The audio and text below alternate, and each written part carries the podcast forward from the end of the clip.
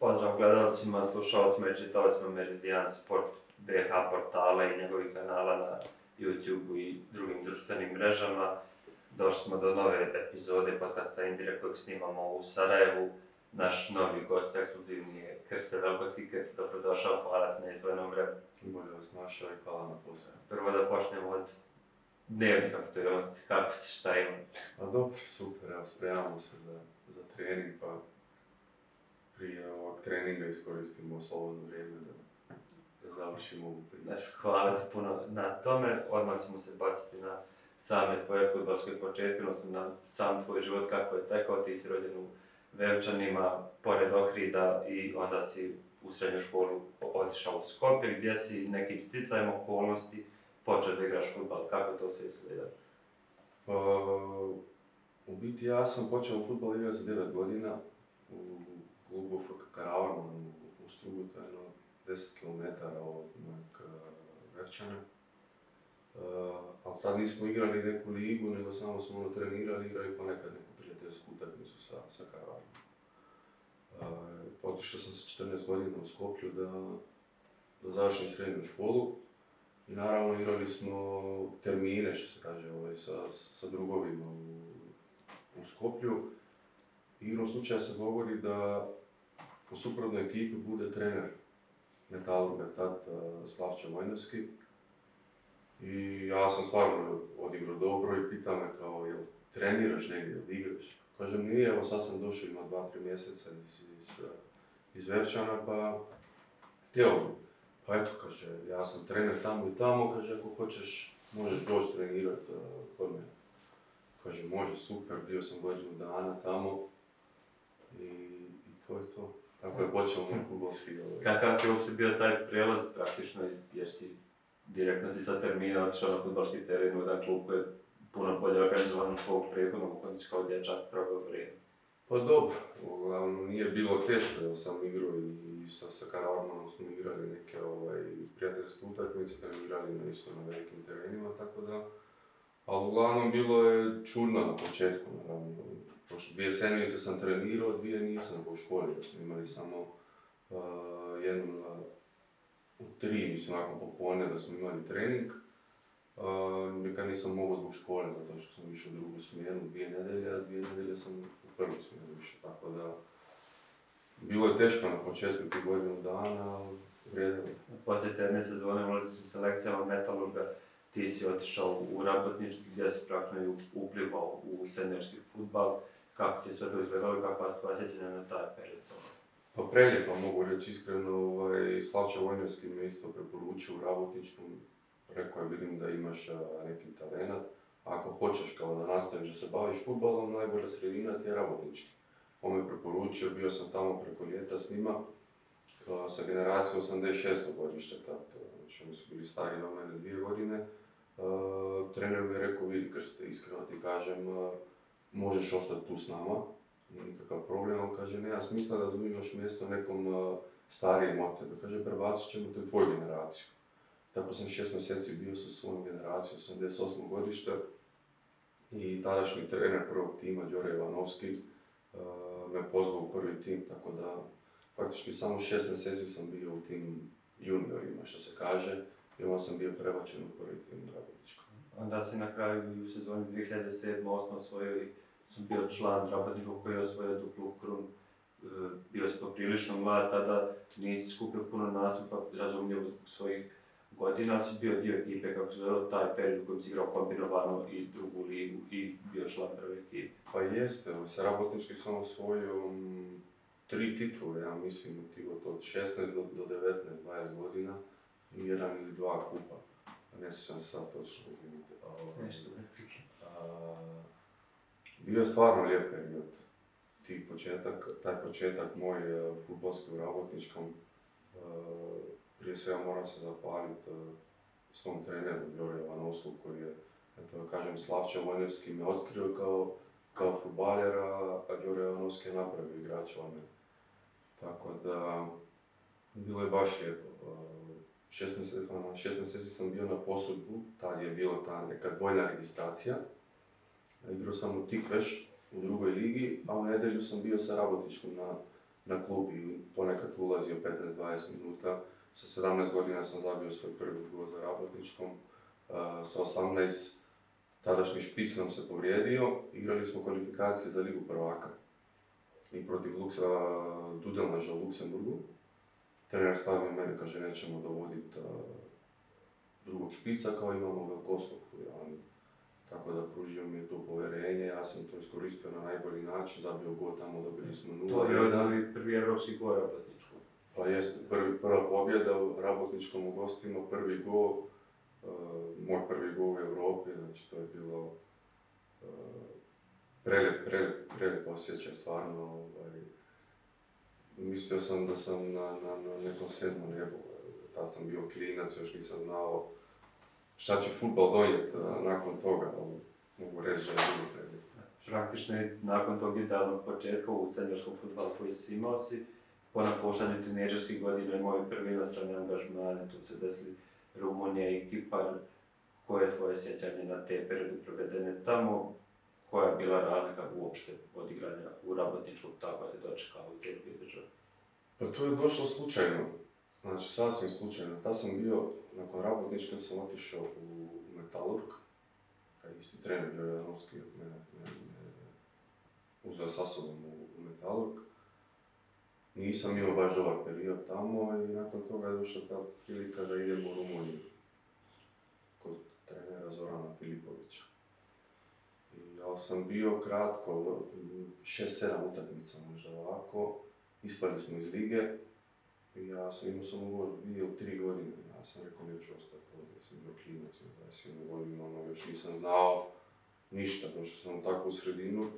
E, teška sredina Rumunije, onda kad dođe igrač tamo, ko niko ono, ne očekuju da to bude, nemaju strpljenja nikako. Pa prilike kao i kod nas. Od prilike.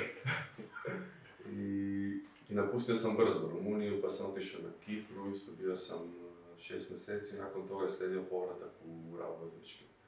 Eh, gdje sam napravio eh, i individualno i kao, kao tim smo napravili velike stvari.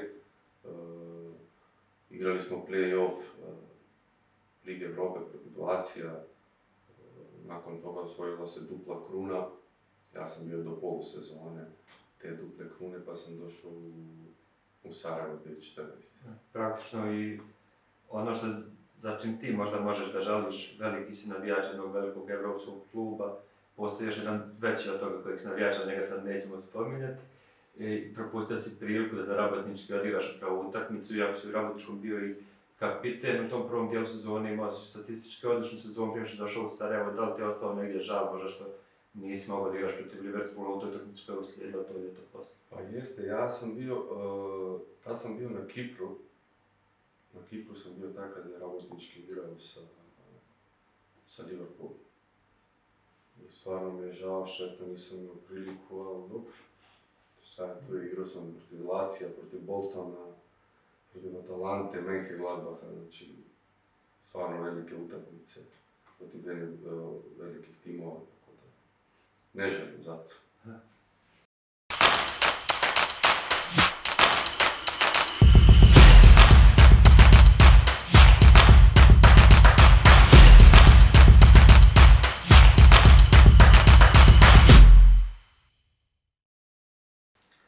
U januaru 2014. došao si u klub za koji si do sada skupio najviše nastupa i koji ti je prirastao srcu što često ističeš, stigao si u Sarajevo u tom zimskom prijelaznom roku. Kako se ti sjećaš toga i kako uopšte došlo do tvog dolaska u Sarajevo? Pa desilo se vrlo brzo, ovaj, vrlo brzo. Ovaj, subota je bila, zove me tadašnji trener na Botničkom, kaže, dođi. Zvali su iz Sarajeva kao, hoće da te angažuju. Kaže, dobro, ajde. Znači, u za pet minuta se sve zvao me tadašnji, e, nakon toga me zvao tadašnji sportski direktor Ibraković. Subota je bila, dogovorili smo sve sutra dan na avion ujutro i je to mene u Sarajevo. I osta, ostala sam tu. Neka, neka tebe ovdje kod nas, pa sve drugo ćemo lako. E, generalno u tom periodu Sarajevo doživljavalo neku transformaciju u samom izgledu kluba. Godinu dana je Vizan se pojavio kao neformalni vlasnik kluba, zato što formalno može da postane, ali kupio sve dion, već, većinski dio dionica kluba i na samom predstavljanju tvome u Sarajevu gospodin Ibraković izjavio da si ti iskorak Sarajeva pražnjica sa cijelom tom ekipom koja je tad dovedena, kako si ti vidio tu ekipu i da li je ta ekipa u tom trenutku kad je uporediš sa Rabotničkim bila možda bolja, lošija, gdje si vidio godinu sa rabotničkim? Pa dobro, svakako sam ja ovaj, u Rabotničkom nekako dostigao svoj maksimum. Ja sam u tih šest mjeseci postigao 20 golova i imao 11 asistencija. I onda je bilo za očekivati da, da napustim klub. Naravno, Sarajevo je veliki klub, znao sam i prije toga za Sarajevo. Adis Jaković je igrao tu, znao sam, pa nisam znao previše, ali sam nešto znao, nisam, bio sam upućen u, u nekim stvarima. I naravno da, ovaj, da sam prihvatio tu ponudu odmah, da, sam, da mi je trebao taj neki iskorak. Došao sam ovdje, to je možda moja najbolja odluka do sada što sam napravio u karijeru, tako da mislim da, da sam opravdao očekivanja svih ljudi i navijača i... Pa postao si najbolji strani strelac u istoriji kluba, možda bolje od Pa dobro, eto. Treba mi još jedan god da uđem u top 10 uh, eh, najboljih strelaca, tako da... Ali eto, nikako da ga postavim. A, bit će, bit će. Naravno, čak do kraja polosezone. zvode. Ovaj, eh, iz tog proljeća si po dolazku prošlo došao si u januar na proljeće se osvojio kup sa Sarajevom koji je tvoj bio prvi utisak na generalnom, kvalitet futbala u Bosni i Hercegovini, koje su ekipe tad izdvajale, kako doživio svu tu atmosferu, puno veći broj navijača na nekom utakmicu nego što je bio u Makedoniji, derbi sa željezničarom, rivalstvo sa drugim klubovima, kako ćete vi sve to? Puno, puno, puno veći ovaj, navijača na tribinima i to, to me je fasciniralo tad. je stvarno u Makedoniji iskreno nema navijača, pogotovo Ravodnički, Ravodnički je gradski klub, uh, malski klub, nema stvarno navijača. I razlika je bila ogromna. Ono, došao sam, što se kaže, u, u drugi svijet i to me baš ono dao veći motiv za, za rad e, na utakmicama.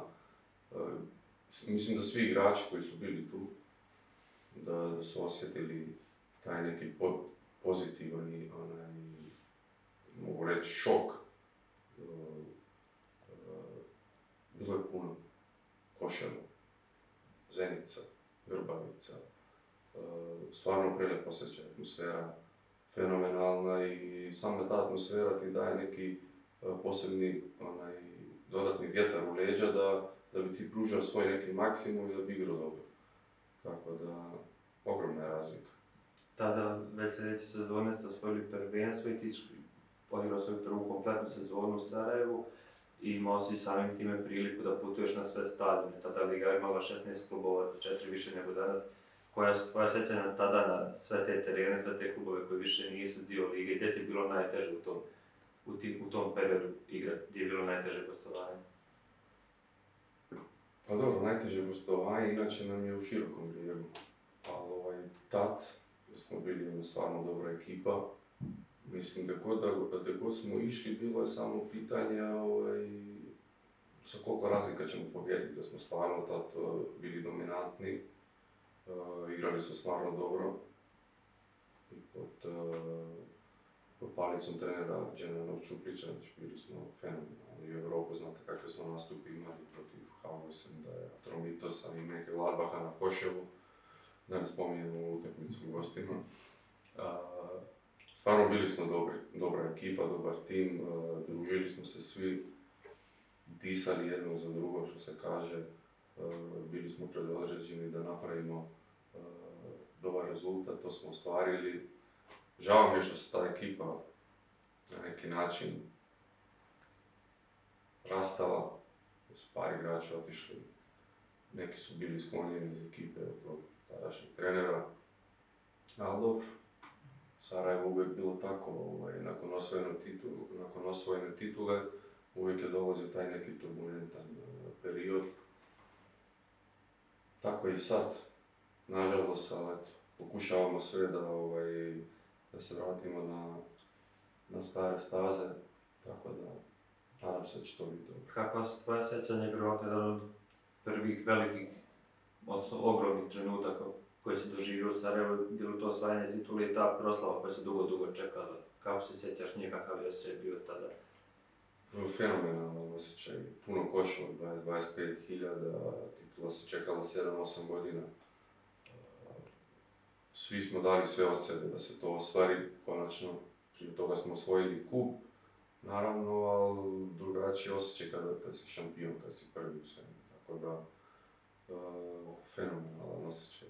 Osjetio sam još dva puta nakon toga, tako da dobro, vidite, uglavnom, nakon dolaska, nakon dolaska e, gospodina Tana u klub, u zadnjih šest godina Sarajevo osvojio šest trofeja, znači tri puta smo bili šampioni i tri puta osvojili kup. Tako da mislim, mislim da je, da je napravljen dobar rezultat do sad. Tako da sad smo još u igri i ovu sezonu da osvojimo neki trofej. Tako da svake godine se Sarajevo boli za neki trofej. Da, a praktično kad smo već na toj temi, e, ti ne pamtiš ono Sarajevo koje je bilo prije dolaska, mislim da tada nisi bio tu, ali generalno imaš puno prijatelja iz reprezentacije Makedonije i prijatelja koji su igrali u Sarajevu pa otišli u neke veće klubove. Koliko je Sarajevo organizovano kao klub kad ti pričaš sa njim i predstaviš svoj klub i znaš gdje oni igraju, gdje je tu Sarajevo po samoj organizaciji, ozbiljnosti. Jer, pa da mjerimo samo za klubovima gdje svi tvoji saigrači iz reprezentacije i bivši saigrači igraju. Pa dobro, moji sadašnji saigrači iz reprezentacije ovaj, igraju u velikim su serija, Premier Liga, La Liga, mm, ne možemo se uporediti sa njima, znači stvarno. Ali Sarajevo pravi jedan e, iskorak što se toga tiče, pokušavamo da, da pratimo taj neki evropski trend što se tiče organizacije, ali sve je to dobro, ali džaba sve je to kad mi nemamo ne samo Sarajevo, nego svi klubovi ovdje u, u Bosni i Hercegovini, nemamo infrastrukturu ne možemo se porediti ni sa kim. Da smo, mogu reći, iskreno kažem, preloši što se toga tiče. Tako da dok se to ne promijeni, onda ne možemo praviti uspjeh. Mi možemo biti organizovani za, za putovanja, za, za neke stvari, dovođenje igrača i sve to. tereni su nam katastrofalni. Ne možemo igrati uopšte. Ok, oni kažu od odnosne tribina možda se vidi da je onaj teren dobar onim terenima, blatnjavi pristizanje kolektiv ranika u bijelima. Na košilu isto. To se često vidi ove sezone, praktično vidjelo se i prošle da čak i ekipe od kojih, pa već unaprijed ih nekako i otpisujemo i računamo da ne mogu da igraju ozbiljan futbal kad dođu na Grbac, gdje je hibridna podloga, odigraju utakmicu koja je dopadljiva i gledljiva praktično. Žalosno je, žalosno je da ovaj, u zadnjih, evo ja sam tu već ovom jesenima godina, da se napravi jedan teren samo, taj na Grbovici. Znate kako utakmice se igraju na Grbovici, kako utakmice se igraju na Tušnju, u Koševu, u Bjelini ili ne znam. Znači, to je sramotno, mislim, to sad ljudi koji vode e, to trebaju, koji su govorni za to da, da ovdje radili, ja sad tamo moramo skrenuti pažnju na to, da ćemo praviti neki iskorak, a nemamo osnovne uslove. Propadaju nam generacije i generacije igrača, nove što smo svjesni, na kraju završavamo ono, futbalske priče o nekim talentima koji su mogli, ali praktično niko im nije postavio uslove da mogu i. To je nažalost, to je nažalost ovaj, veliki problem. Nadam se da će se, ovo, obećano da će se napraviti neke terene, ali ovaj, evo, još nema ništa od toga. Tako da nadamo se da će u budućnosti to biti bolje to Evropsko Što nas možda za ove generacije koji dolaze, kao benefit bi imala uh, i ekipe bi imali benefit, a siguran sam da bi reprezentacija. U konačnici sigurno da je sam set proizvodim puno pa... Evropsko ljeto koje se spomenuo sa Atromitosom, Borussia Mönchengladbach, veliki broj igrača iz te generacije ističe tu pobjedu Atromitosa koji je jedan od najdražih u karijeri, tada je s tobom slučaj tako i ako jeste, s tim da bi već klimaš glavom da jeste. Jeste, demonstrirali smo, demonstrirali smo silu, mogu iskreno reći, tu utakmicu u Atini. 120 minuta, uh, maksimalno pokazali smo kako se igra za, za klub, kako se voli klub i ovaj grb. naravno da ovaj, ima ne fenomenalna utakmica. Mislim, do, do Mehe Gladbaha, prva do gospodinu utakmicu, neke oba valirali smo fenomenalno. Sve jednu utakmicu. I ono koji smo izgubili protiv sam da na, nakon Ševo i protiv Atromitova, smo bili ubjeđeni da kad odemo tamo da ćemo i dobiti. Tako se ispostavi. Nažalost, zadnje pre, preko smo uspjeli da mhm. preskočimo. Ali eto, svaki, svaki put kad izađemo u Europu napravimo neki dobar rezultat. Tako da, nadam se da će biti neki dobar da napravimo konačno taj iskorak da konačno jedna ekipa iz Bosne i Hercegovine uđe u neku drugu fazu. E, u kojem vremenskom periodu misliš da bi to bilo realno stvar? Jer vi ste bili praktično blizu da je ovaj sadašnji sistem takmičenja sa ligom konferencija bi bi do sad izborili praktično, čak bi ti bio dio te ekipe koja je izborila. E, kad misliš da je realno sa, sa, sa ovim ustrojem sada tri takmičenja, da bosansko-hercegovački klub uđe, jer sad već vidimo ekipe iz nekih fut... zemalja koje mi uvijek nazivamo ne ne smo mi ti futbalski jedini. Kad misliš da bi moglo biti realno da neko uđe u Europu? Pa dobro, sad je možda malo lakše sa tom ligom konferencije, ali najbitnije je prije svega da se sklopi jedan dobar tim, da taj tim bude na okupu što smo mi bili onda 2014. 2015. dvije, godine, da se možemo odigrati, a ne svaku se, polusezonu onda 5-6 igrača, pa dođu novi, pa da se to uigra, uklopi, pa od novi 5-6 kad dođe vrijeme za Europu, i to je malo teže da se ovaj, napravi, ali eto, nadam se u nekim 2-3 godine možda bi trebalo. Potrudit ćemo se, daćemo se od sebe da da to napravimo, naravno znamo da, da FK Sarajevo prolazi u jedan e, turbulentan period, zadnjih 6-7 mjeseci, 8. Dolaskom e, gospodina Tana i gospodina Milića to se malo promijenilo. E, sad je mogu reći sve ok i sad ostaje na nama igračima da to na terenu ovaj, pokažemo. Ne može to sve preko noći.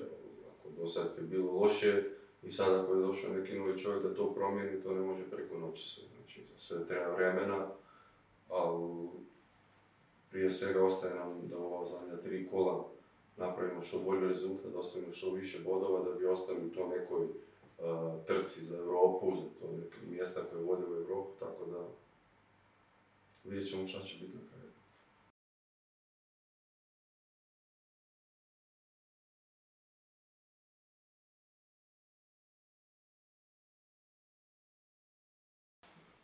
praktično 2014. godine si imao svoj debi za nacionalni tim Makedonije, utakmicu protiv Latvije koja je u martu, koji je ponos bio tada uopšte i šta vas će jedan futbaler kad dobio polje da predstavlja svoju zemlju? Pa mogu reći da je to što, ono što se kaže vrh Jer u svakom igraču je želja, cilj da, da nastupi za svoju, za svoju državu. Tako da ja sam to stvario debitovao sam za, svoju reprezentaciju za Makedoniju, tako da preponosan sam na to.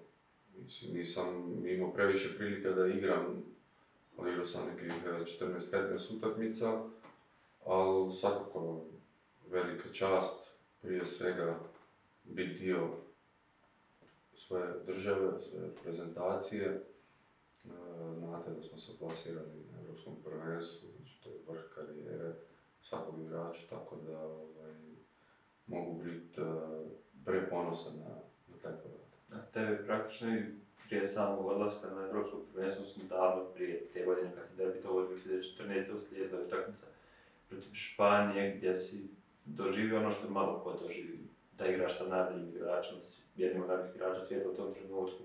Casillas, Jordi Alba, Sergio Ramos, Busquets su bili, Fabregas je bio tad na toj utakmici na terenu koja svoja sjećanja proči u 20 minuta da igraš, kako je to bilo, koja je razlika je to? Jeste, igrali smo u Valenciji, na, na u stadion.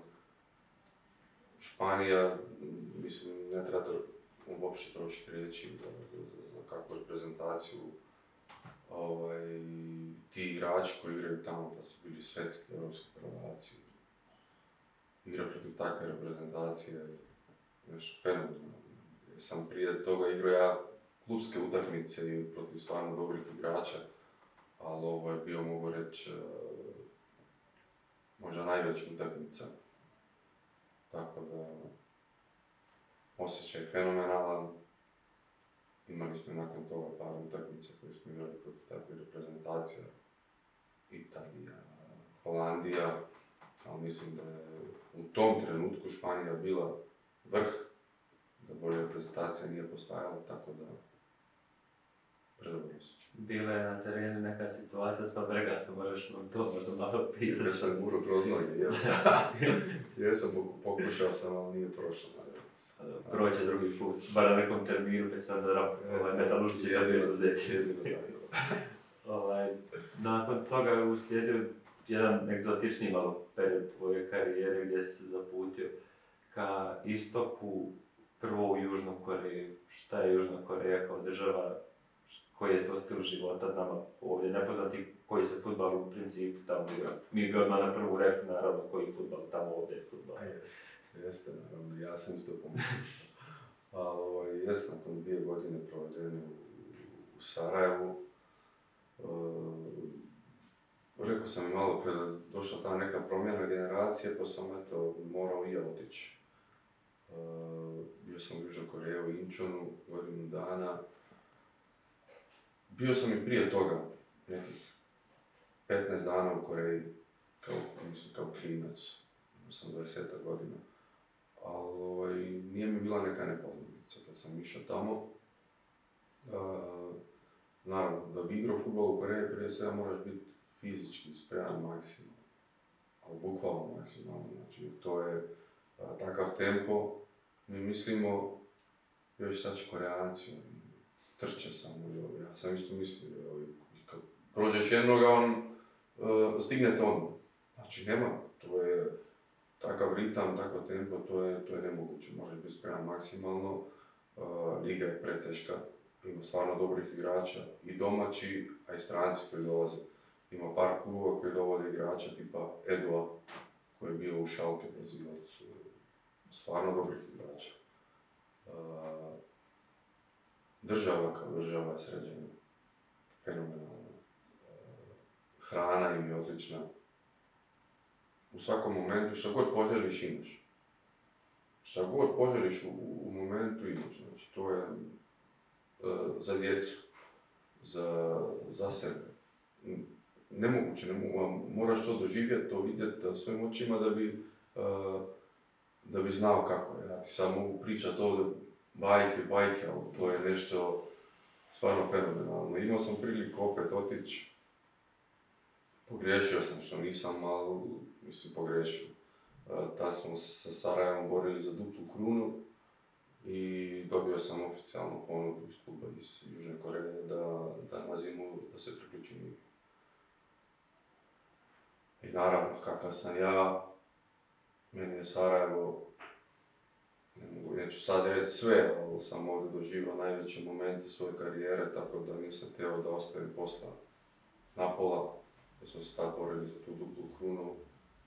Nisam pogrešio ovaj, što, sam ostao, pogrešio sam što se tiče tu neku egzistenciju i svoje familije, što sam mogu reći okrenut leđa, okrenuo leđa, ali što se tiče Sarajeva mislim da nisam pogrešio naravno bio sam tu i nama se do kraja Koliko je teško donositi takve odluke kad više nisi praktično klinac i imaš neku odgovornost prema više strana, pa čak i u samom futbolu imaš odgovornost prema nekim ljudima koji ti ili zastupaju ili nešto, mislim ne ulazim u to, u tu tvoju stranu, ali potencijalni igrač može imati koja je to sad vrsta pritiska gdje se ti emocijama vodiš da nešto hoćeš i želiš, da nekom vratiš, a s druge strane ima, ima korist neka celokupna slika tebe kao ličnost. Jeste sa moje strane bilo baš sebično to što sam uradio, što nisam prihvatio tu ponudu. Naravno, zbog nekih i, i ljudi koji su mi tu ponudu omogućili, a i prije svega što sam otišao protiv svoje familije, ja s tom ponudom završio svoju egzistenciju što se tiče i djece i svega. Ali ne, ja sam rekao, ostaću u Sarajevo, ali ja sam takav, ja kad nešto zavolim, onda je to to i tu idem do kraja srcem, srcem, znači ne. i opet ću reći, nisam pogrešio, sam osvojio duplu krunu prvi put u historiji kluba. Uh, svi koji me znaju, znaju šta meni ovaj klub znači. Bez razlika što sam došao ja iz Makedonije, što sam tu tako kratko, ali mislim da sam za taj kratak period napravio fenomenalne stvari. Uh, rekao sam. I planiram isto da ostanem da živim tu. Sarajevo mi je na prvom mjestu uvijek, tako da neka im se uopšte zbog tebe. Imao sam i nakon još tri, 4 drugih ponuda, ali nisam prihvatio ništa. U tom periodu klub, klub je proživljavao neku... Uh, imao je neki loš period i onda je najlakše bilo otići. Je bila takva situacija da ja kao stranac ovo sam ići uradiš uradiš, možda su neki drugi radili, tuđi klub, uzet pare i ozdrav. Ali nisam htio.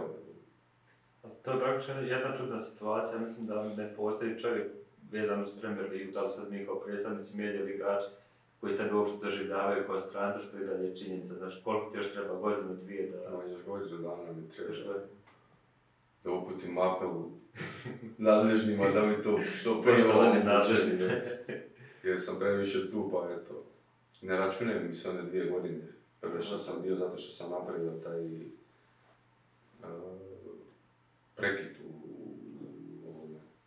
boravku i te godine dvije su mi propale.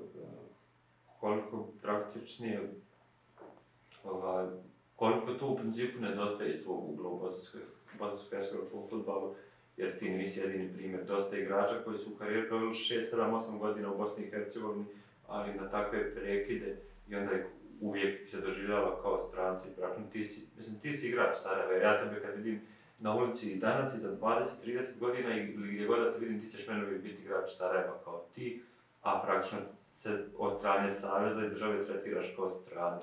Da li misliš da i tu postoji potreba za zalaganjem Saveza da se te regulative promijene kako bi igrač praktično nesmetano i bez nekih problema mogu nastupati svoj klub. Pa vidite, ovaj, možda bi trebalo za primjer, ako ne za, svakog igrača, onda možda za neke zasluge, što si uradio, koliko si pridoneo uh, klubu i, i gradu i državu isto. Jer ja sam eh, kad sam bio sa reprezentacijom na Europskom prvenstvu i sam predstavio samo Makedoniju.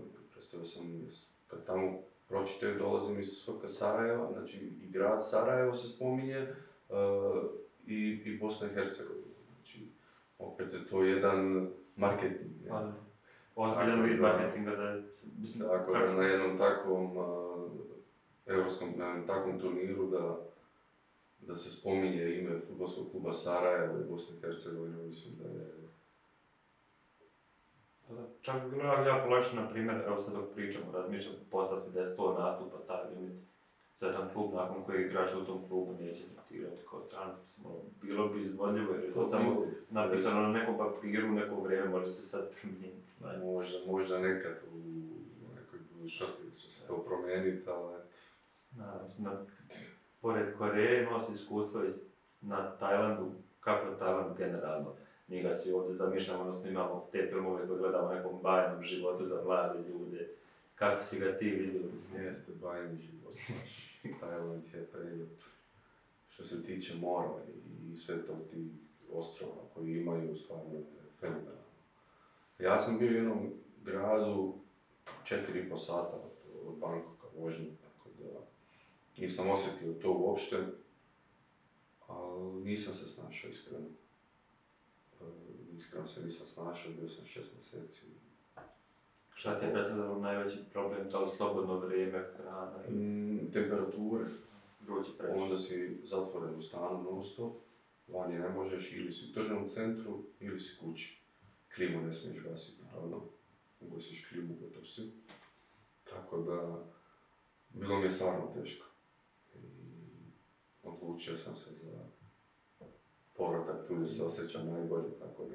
A koliko generalno u Koreji gdje su gradovi mnogo ljudi, malo puno stanovnika, u Tajlandu baš nije slučaj sa svima, ali onako prilično primjetno da ima više stanovnika nego naši prosječni gradovi, koliko si tamo kao futbaler prepoznat u društvu, u slobodnom vremenu koji ispunjavaš i mislim na ulici ili u tim nekim susretima?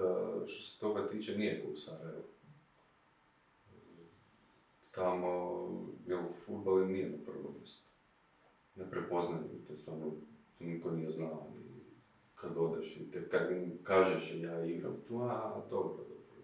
I ništa, nikakva posebna euforija ono, ili nečega. I na Koreji isto i, i na taj. Nije im broj jedan sport. Jednostavno nisu previše zainteresovani. Oni prate to sve, ali nekad jesu, jer su takvi, takav tip ljudi. znaš, nema previše emocija kod njih i sve to da su... A, previše ih je jednostavno. To, jednostavno, ali su ok baš film, pogotovo koreanci. Kod njih nema nervoze, nema ničega. Prelipo, mislim, predobar narod, država, vrh. Volio bi se vratiti jednom tamo, bar turistički ako ništa. Kako izgleda samo to profesionalno futbaleri, na koji način su klubova organizovali, na primjer jedan dan na treningu, što se tiče svega obroka, treniranja, odigravanja utakmice, na koliko je to ozbiljnom nivou i možeš nam opisati samo ono, odlazak na gostanje, kako se zato što je malo veća država s puno ljudi. U Koreji, u Koreji ima, imali smo svoju, kao restoran neki na, na, na stadionu i tamo se ono, imaš i ručak i stranci ne moraju biti, Domaći Pa domaći, domaći moraju, domaći moraju, ono, idu ručak tamo, večera, imaju dva obroka uglavnom, tako da organizacija im je dobra. Što se tiče i putovanja i sve toga, i utakmice, uh, uvijek ima nek, ne, neka dešavanja na utakmicama. Uh, na poluvremenu, neki eventi za djecu, za, za svega, prije utakmice, poslije utakmice što se toga tiče, oni su, oni prate taj neki evropski trend, za razliku od nas. A na Tajlandu nije bilo to. Samo odigra i Samo odigra i pozdravimo se i to A kako pamtiš sa igrači iz tog vremena, ko se tu kome prilagođavao na trenicima, da li se nervirao, nekad je tehnički vjerovatno nisu na, na nivou to. Da, Koreanci? Pa i jedni i drugi, Koreja da Tajland ti kako bi nisu tehnički previše, ali rekao sam ti, nema, nema kod njih izgubljena lopta. A vanđer? Da, oni su malo mrzljivi, ne vole da rade. za pa, krenemo zagrijavanje, primjer. Krene se sad za zagrijavanje, počinje trening, sve gotovo. I sad, i niko ne voli raditi zagrijavanje. I svi kažu, šefe, jel mogu ja do, WC? I svi idu, to ne mogu. Znači, samo čim krene zagrijavanje, a imaš ti sad, dođemo mi sad vremena prije treninga. Imaš ti vremena da obavi sve. Nemoj čekaj da krene trening, čim krene trening onda vidu. Samo da ne radi ovo zagrijavanje, da mi se ne bi Ali dobro.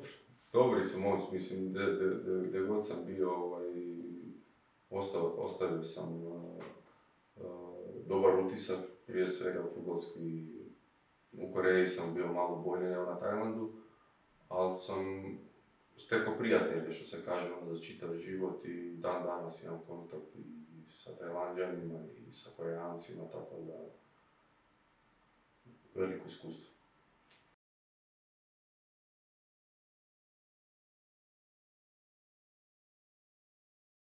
uslijedio, pa to mi povratak sa istoka, o, dalje nije baš bio ovaj bliži istok, isto naši igrači često odu u Sarajevo i iste sezone praktično i istorijski trenutak kluba kad spojio cijelu sezonu u Sarajevo, osvojili ste duplu krunu. Tata to čekala puno drugačija ekipa sad puno mlađih igrača, izašli iz akademije. Kako si tada ispratiti sve te procese jer ti si otišao kad je akademija tek bila u nekom nastajanju i razvoju, došao si u Sarajevo podignuti većem stepenicu. Pa jeste, povratak je uslijedio 2017. I isto u tom periodu klub je, nažalost, prolazio jedan, eh, jedan loš period. Eh, dogodi se ispadanje od eh, Atalante. Nije, za Irak, Baltiovi iz Moldavije. Atalante sljedeći ljeto bilo, Pa promjena trenera, gospodina Janjuša. Pa nakon toga nas preuzeo Repok.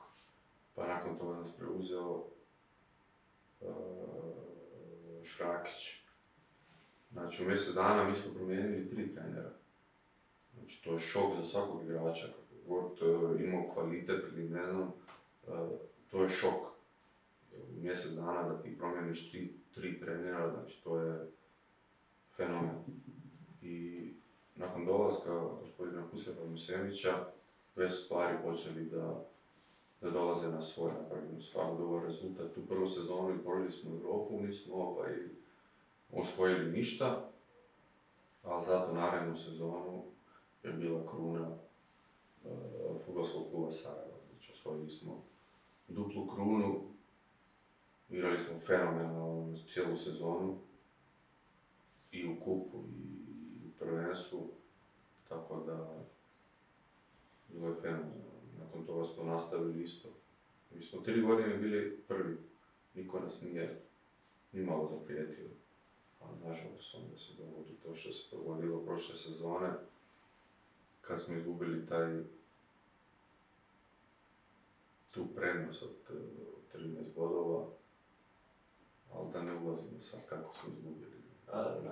to je, to je tako se dogodilo i moramo ići dalje praktično te i dočekali ste i u tvom povratku neki igrači kojima sad odigrao već ozbiljan, ozbiljan broj utakmica zajedno, na primjer sa Hemibovićem preko 110 utakmica, sa Dupovcem preko 100 utakmica, sa Hmetovićem 90 i nešto. Koja od tih saigrača tebi najviše odgovarao sa najbliži se Hmetović na terenu praktično, pa možda je on taj, ali kako vidiš odnosno se sa igračima s kim je tebi bilo najveće uživanje igrati u dresu Sarajeva? Pa bio sam najbliži Ahmetoviću, sad više nisam. Sad zadnji tako da... sad sam malo dalje od njega.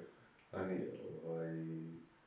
Pa to, to, ta, ta sezona, kad smo osvojili duplu krunu, ovaj, mogu reći da smo bili stvarno, stvarno impresivni. Ja, Rahmanović, Tatar i Ahmetović, znači ta četvorka koja je igrala gore, dali smo 10 plus golova, svi tako da kad imaš tako četiri, četiri igrača gore koji imaju toliko broj e, golova i asistencija, tako da zaočekivati je da, da ćeš osvojiti nešto, da ćeš napraviti nešto. mislim da tu četvorku da smo bili možda negdje od, od, od, od boljih e, što se tiče prema naprijed. Tako da s njima mislim da smo imali najbolji komunikaciju na terenu, a naravno da smo bili, bili dobri van terena. Može zato smo napravili taj rezultat koji smo napravili. Pa da, praktično kad se gleda statistički, Mersu i ti ste zajedno kombinali u 11 golova, Tatari ti u 7, Rahmanović u 6. Znači, ono, nije nešto što se često viđa u Premier Ligi, praktično da kada to buklo vjerovatno povuku neke druge stvari, ali i rečeno je puno puta, praktično i tvoja izjava na kraju govori koliko, koliko je bio bitan taj kup kada se zavio poslije kupa, da se na neki način spasi sezonu. Koliko ta utakmica u stvari bila bitna za vas da se popravite u očima oni koji su bijes praktično tada imali na rezultate koje sad rekao Pa dobro, nismo što se tiče, ovaj, mislim da nismo mogli popraviti uh, e, puno jer smo stvarno izgubili uh, što se kaže osvojenu titulu. Uh, da ne ulazim na koji način, ali ovaj, naravno da smo... Svaka borba za trofej je znači, važna. Nebitno to da li kup, da li super kup, e, neki turnir ili ne znam šta. Ali, bitno je da Sarajevo svake godine osvaja neki trofej. Naravno da ja kao igrača volim da svaku godinu osvojim i duplu krunu i da, i, i da igram neke grupne faze, ali moramo biti realni prije svega. Tako da, trudimo se, nije da, da nekome nije stalo da, da, da nešto osvojimo da ne znam šta, mislim da ovaj, u tom momentu, kroz šta, što sve prolazi u klub, od te zime do, do, do, do mogu reći do sad. E, ne bi poželio klubu, tako da, hvala Bogu, sad su se stvari malo kažem, došli na svoje i rekao sam na početku ovog intervjua da krećemo od nule, što se kaže, moramo sad napraviti dobar rezultat i od pripreme sljedeće sezone da, da, da bi krenuli u neku dobru priču. Praktično je to sad trebalo do septembra i odnos dolazku gospodina Mirvića u klub, koja sad cjelokupna atmosfera i počevši od samog terena i vas kao ekipe i trenera Gorana Sapića i sada iz sportskog segmenta koji još nije definisan, odnosno nije doveden i dalje sportski direktor iz cijeli taj sportski segment, ali već je tu Ivan Kepče čovjek koji će i trebao to da posloži i na kraju kruna toga sve e, gospodin Mirvić uz opet komunikaciju gospodinom Tanom, kako se to tebi izgleda u ovom trenutku? Pa, mogu reći da sam iznenađen pozitivno, izgleda izgleda mi stvarno da će ovo biti jedna dobra priča tiče gospodina Mirlića, znači mi imamo, mi igrači i svi u imamo jednu stvarno fenomenalnu podršku znači e, čovjek je ostao tu sa nama, treba je biti 4-5 dana, evo tu je već skoro mjesec dana, znači ozbiljno shvata ove stvari, e, zna u, u što je ušao i naravno da ostane na nama igračima da to ispratimo na terenu sa jednim dobrim rezultatom. Sve nam je što se kaže omogućeno, imamo sve što nam treba, naravno da ovaj, ekipa se budimo realno, znači ekipa se sklopila, eh, sklopila se u nekom kodu tako da došao jedan igrač, pa došli dva igrača, pa otišli tri, uh, nismo prošli pripreme. je problemi sa radnim dozvolama i ti eh, Problemi sa radnim dozvolima, znači ne može se to, ok, mi smo doveli sad radne dozvole, došli su novi igrači, ajmo sad, kliknut ćemo i to je to za sve treba jedan period, ne može sve preko noći, tako da e, rekao sam, na nama igračima ostaje da uvijek ti utakmica o što je moguće više vodova, da bi imali, imali neki mir, znači mir, miran prelazni rok, e, što se tiče priprema i sve, da se možemo fino spremiti za nastavak sezone i za ono što nas očekuje u, u budućnosti. Pripreme su tema koja se često izbjegava u ovakvim tipovima razgovora, igrači su tu vrlo jasni ili vole ili ih mrze na si ti strani što se tiče samih priprema. Pa, pa dobro, moramo ovaj, mrzili ne, moramo i raditi. Tako da, eto, vidite, mi smo čisti primjer. E, nismo radili, što se kaže, pripreme. Nisu pripreme samo trenirati ajmo trenirati tri, tri puta ili četiri puta na dan. Nije to to. Ekipa se uigrava preko utakmica, znači nismo to radili uopšte. Rekao sam, igrači su došli kasnije, neki su otišli među vremenu. I sve to nije lako ni treneru raditi u takvim uslovima. Znate sve što je bilo s tim radnim dozvolima. Ali naravno, pripreme su prije svega dobra za atmosferu, zato što smo svi na okupu, svi smo na jednom, u jednom hotelu, a, družimo se, upoznajemo s nekim novim igračima koji budu dolazili, tako da ja iskreno mogu reći da jedva čekam pripreme, ja sam onda, ja se dva puta na dan, igraju se utakmice, interesantno, nije sad jest naporno, ali mora biti da bi bili u, u nastavku sezonu, da bi bili spremni za ono što, što se od nas očekuje i što na kraju krajeva mi sami igrači znamo da imamo taj kvalitet da bi uh, osvojili ili titul ili kup ili da bi napravili neki dobar rezultat.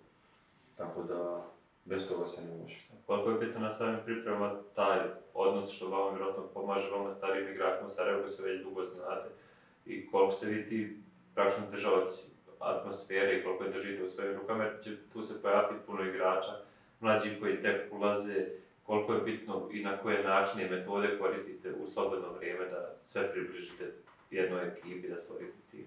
Pa dobro, ovaj, atmosfera je bitna, znači ne možemo, ako imamo lošu atmosferu, onda, onda ne, nećemo imati dobre rezultate. E, svi rezultate koji smo napravili do sad u u 6-7 godina na njih smo i napravili zato što smo imali neku, neku dobru atmosferu i unutra u sačionicu, a i van sačionica, zato što smo se družili i privatno i to je vrlo bitno za, i za, za, za sve igrače. Jer onda imaš drugačiji odnos prema, prema igraču. Moraš, kako da to kažem, moraš da držiš atmosferu u slačionicu, da bude pozitivna. Jer kad, čim a, imaš 25-30 igrača koji su različiti karakteri, sad ne može svakom voditi, Uvijek ima ovaj neko koji će malo sa strane nešto biti ljut, ili možda što ne igra, nezadovoljan ili ne znam šta. Ali uglavnom, uvijek i on, što se kaže, legne, u ovoj, u ovoj ekipi, tako da tu se svi držimo. To je jedan preduslov da bi se ovaj, napravio dobar rezultat u svakoj ekipi, ne samo u sad. Te god sam bio do sad, znači, ako je dobra atmosfera, onda je, onda je rezultat nije bitan.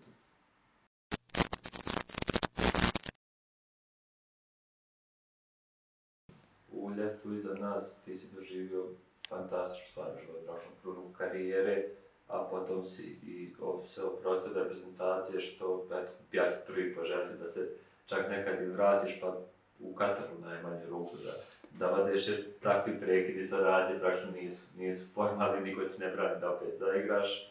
Želim ti prvo dobre partije naravno u, u Sarajevu i da te to dovuče do, do Katara u konačnici. E, kako si ti vidio sad ovaj, ovu posljednju repštinu pauzu koja je iza nas? reprezentacija Makedonije ponovo je napravila jedan, jedan ozbiljan rezultat, nakon Evropskog prvenstva ušla u baraž za Svetsko, dok s druge strane Bosna i Hercegovina opet ostala bez šanci za odlazak na veliko takmiče. Pa to je to ono što sam malo pregovorio, ta atmosfera, e, stvarno atmosfera u reprezentaciji Makedonije je fenomenalna. E, I zato imamo takav rezultat kakav imamo. E, momci rade odličan posao, nama su trebali dvije pobjede u zadnje dvije utakmice protiv e, Ermenije i Islanda. Dobili smo, dobili Armeniju 0-5, što je fenomenalan rezultat. E, dobili smo kući Islanda 3-1 i time da povjerili taj Baraž za, za svjetsko prvenstvo u Kataru. Momcima, momcima želim e, svu sreću, naravno da naprave dobar rezultat u baražu i da još jednom obraduju naš narod u Makedoniji što se tiče Bosne i Hercegovine, jest, e, niko nije zadovoljan sa, sa zadnjim rezultatima, ali naravno ne treba se tu stati sad i reći što je to, to. Mora se ići dalje. U Makedoniji je bio ista situacija, pa se napravio jedan, uh, jedan sistem, jedan period gdje se on treneru uh, e, Igoru Angelovskoj dao Eh, jedan period da sklopi ekipu, da napravi dobar tim i on je obećao da će ekipu reprezentaciju odvesti na Evropsku prvenstvu i to je činio. Ehm, ja znam da bi svi voljeli da, da, da, da se, se, napravi taj rezultat, ali rekao sam i malo pre, ne, treba se, ne može sve odmah preko noći, znači sve treba jedan period. Eh, Bosna i Hercegovina ima strašan potencijal, Niko ne može reći da, da, Pjanić, da ekipa koja imaju Džeki e, Pjanića i Stevanovića i da ne nabrajam ostali igrače, e, to nije dobra ekipa. Tako da pokazali su više puta da, da, da imaju kvalitet, da, da mogu nešto napraviti. Ja se nadam da će u narednim kvalifikacijama ostvariti ono što, što svakako želim isto i Makedoniji. Bosna i Hercegovina je, kažem, moj drugi dom, tako da navijam svim srcem sa njim, tako da ima tamo igrača koji su igrali sa mnom, koji poznajem, tako da im želim svu sreću i, i naravno da treba strpljenja za sve. samo Europsko prvenstvo koje će nam biti završna tema i koja je ozbiljna kruna ozbiljne karijere koja pa još nije završena, e, ćemo govoriti malo o toj pobjedi koja je to sve najavila, praktično kada je Makedonija u Dizeldorfu savladala Njemačku u gostima, ti si bio od toga kako to izgleda praktično. Može li se opisati to i prenijeti nekome šta znači kada Makedonija nagovijesti da će ići na Europsku prvenstvo pobjedu na Njemačku? Pa mi smo nakon Njemačka je u stvari nakon 20 godina, ja mislim, prvi put izgubilo bodove kući. Znači, do se nisu imali nerešeno ni poraz. Znači, ovo zadnji poraz im je bio 2000 prve ili druge, ne znam, protiv Engleske kad su izgubili 1-5. Tako da mi smo im taj prvi poraz nakon 20 godina. E, vjerovali smo u to. sad bit, e, da kažem sad nakon utakmice, eto, pobjedili, pa eto, mi smo rekli da ćemo pobjediti. Ne, nego stvarno smo vjerovali da možemo napraviti dobar rezultat možda su nas Njemci e, malo i pocijenili po nekim njihovim izjavama u toku utakmice što su pričali nekim igračima. Tako da niko ne može pocijeniti Makedoniju, pogotovo ovu generaciju. Jer smo pokazali da, da, da pokazali smo da smo reprezentacija koja može napraviti velike stvari. Tako da kako generalno izgleda taj trash talk u futbalu? Mi uglavnom, kad se priča o tom, priča se NBA ligi, košarci. Kakve to stvari se dešavaju da, na primjer, direktno Nijemci na toj utakmici gdje ih iritira to što gube od Makedonije, šta ispada iz njihovih usta, na koji to način pokušaju poniziti sa igrača. Ma, Kim ih je nešto govorio, Elmasu, ne znam, čitao vrijeme, i Gundogan, provocirali su kao, ono, kad su zabili go za 1-1, da će nam sad dati još 2-3. I naravno da je uslijedio Hvala, Puš, Elif, Elmas, naš dijamant. Nekad. Napoli je list, i na Napoli volimo. Ovaj, nakon toga je uslijedilo i to samo Evropsko prvenstvo. Kakav je osjećaj kao, jer u jednom trenutku života prije što otišao na njega si bio dječak kao što smo svi bili dječaci, znaš da u tom trenutku svijet stane i svi gledaju u svjetsko i Evropsko prvenstvo. Doživio si da budeš dio toga kakav je generalno osjećaj sa svim tim putovanjima, još ovo bilo specifično prvenstvo gdje si igrao u više država, u više gradova. Eh, je bilo specifično ovaj, fenomenalan osjećaj. Ja to ne mogu opisati, to se mora doživjeti eh, da bi se moglo prenijeti. ovaj, malo je bilo čudno zbog eh, covid situacije. Jer smo mi bili zatvoreni u, u hotelu, znači ne smiješ, što se kaže, izaći ispred hotela. Znači, možeš biti hotelu sam, zatvoren, nema niko, nemaš dodatne tačke sa, sa vanjskim svijetom. Ehm, I to je bilo malo, loše zato što nismo osjetili tu atmosferu na, na ulicama. Gledali smo mi videa kad smo bili u Rumuniji, pošto Rumunija je malo, ovaj, eh, bilo nam je bliže iz Skoplja doći u, u Rumuniji, i radili smo mi video, to je bila lumnica, sve prelijepo, atmosfera, navijači, pjevanje, navijanje. Ali opet je drugačije kad ti to možeš uživo da vidiš. E, ja sam te Ali je fenomenalan osjećaj, što ste rekli, vrh karijere. Svakom igraču poželim da to osjeti. E, bio se svjedok tog prvog gola Makedonije na velikim takvičenjima moj kolega Marko i pravno i jedini meni poznat koji ga je javno i najavio taj pogodak Gorana Pandeva, kak, kakav je tad bio se, znam da moj, moj kolega Marko skakao po redakciji da bi proslavila taj gol, kako si ga ti drugi? Pa skakali smo svi, e, to je prvi gol e, za Makedoniju na Europskom prvenstvu, na nekom velikom natjecanju, do sad nismo bili i naravno tu čas imao Goran Pandev kao naš najbolji igrač e, u historiji, on nas je, što se kaže, i doveo do tog evropskog prvenstva sa svojim golom protiv Gruzije u kvalifikacijama u baražu. U gostima da smo dobili 0-1, tako da sve je bilo podređeno njemu. Jer on kao najbolji igrač, e, kao kapitan, on je to zaslužio i naravno da smo svi bili sretni što, što igramo, što imamo takvog igrača prije svega, sa igrača, čovjeka, Eh, top, top, top, top u, u svakom smislu. Igrali ste protiv Holandije, to u Amsterdamu, eh, tada ste koristili Ajaxov trening kamp za svoje treninge uz niz puno drugih stvari koje vjerojatno impresioniraju čovjeka na samom događaju kao što je Evropsko prvenstvo. Šta je na tebe ostavio najdublji utisak i sa futbalske strane, a i sa lične, mislim šta te najviše impresioniralo u, u oba smjera? Pa dobro, ovaj, u Amsterdamu, kao što ste rekli, trenirali smo tu njihovu akademiju, trenirali i prvi tim akademije su. Ono što smo govorili, ono, ta infrastruktura, znači ti tereni, ono, to je nezamislivo. Znači, ja bih poželio svakom e, timu ovdje u Bosni i Hercegovini da, da ima takve ustave. To je nešto fenomenalno. E, I sad nemoj da ispada da ja samo ovaj, pričam, da ružno pričamo o našem futbalu, jel?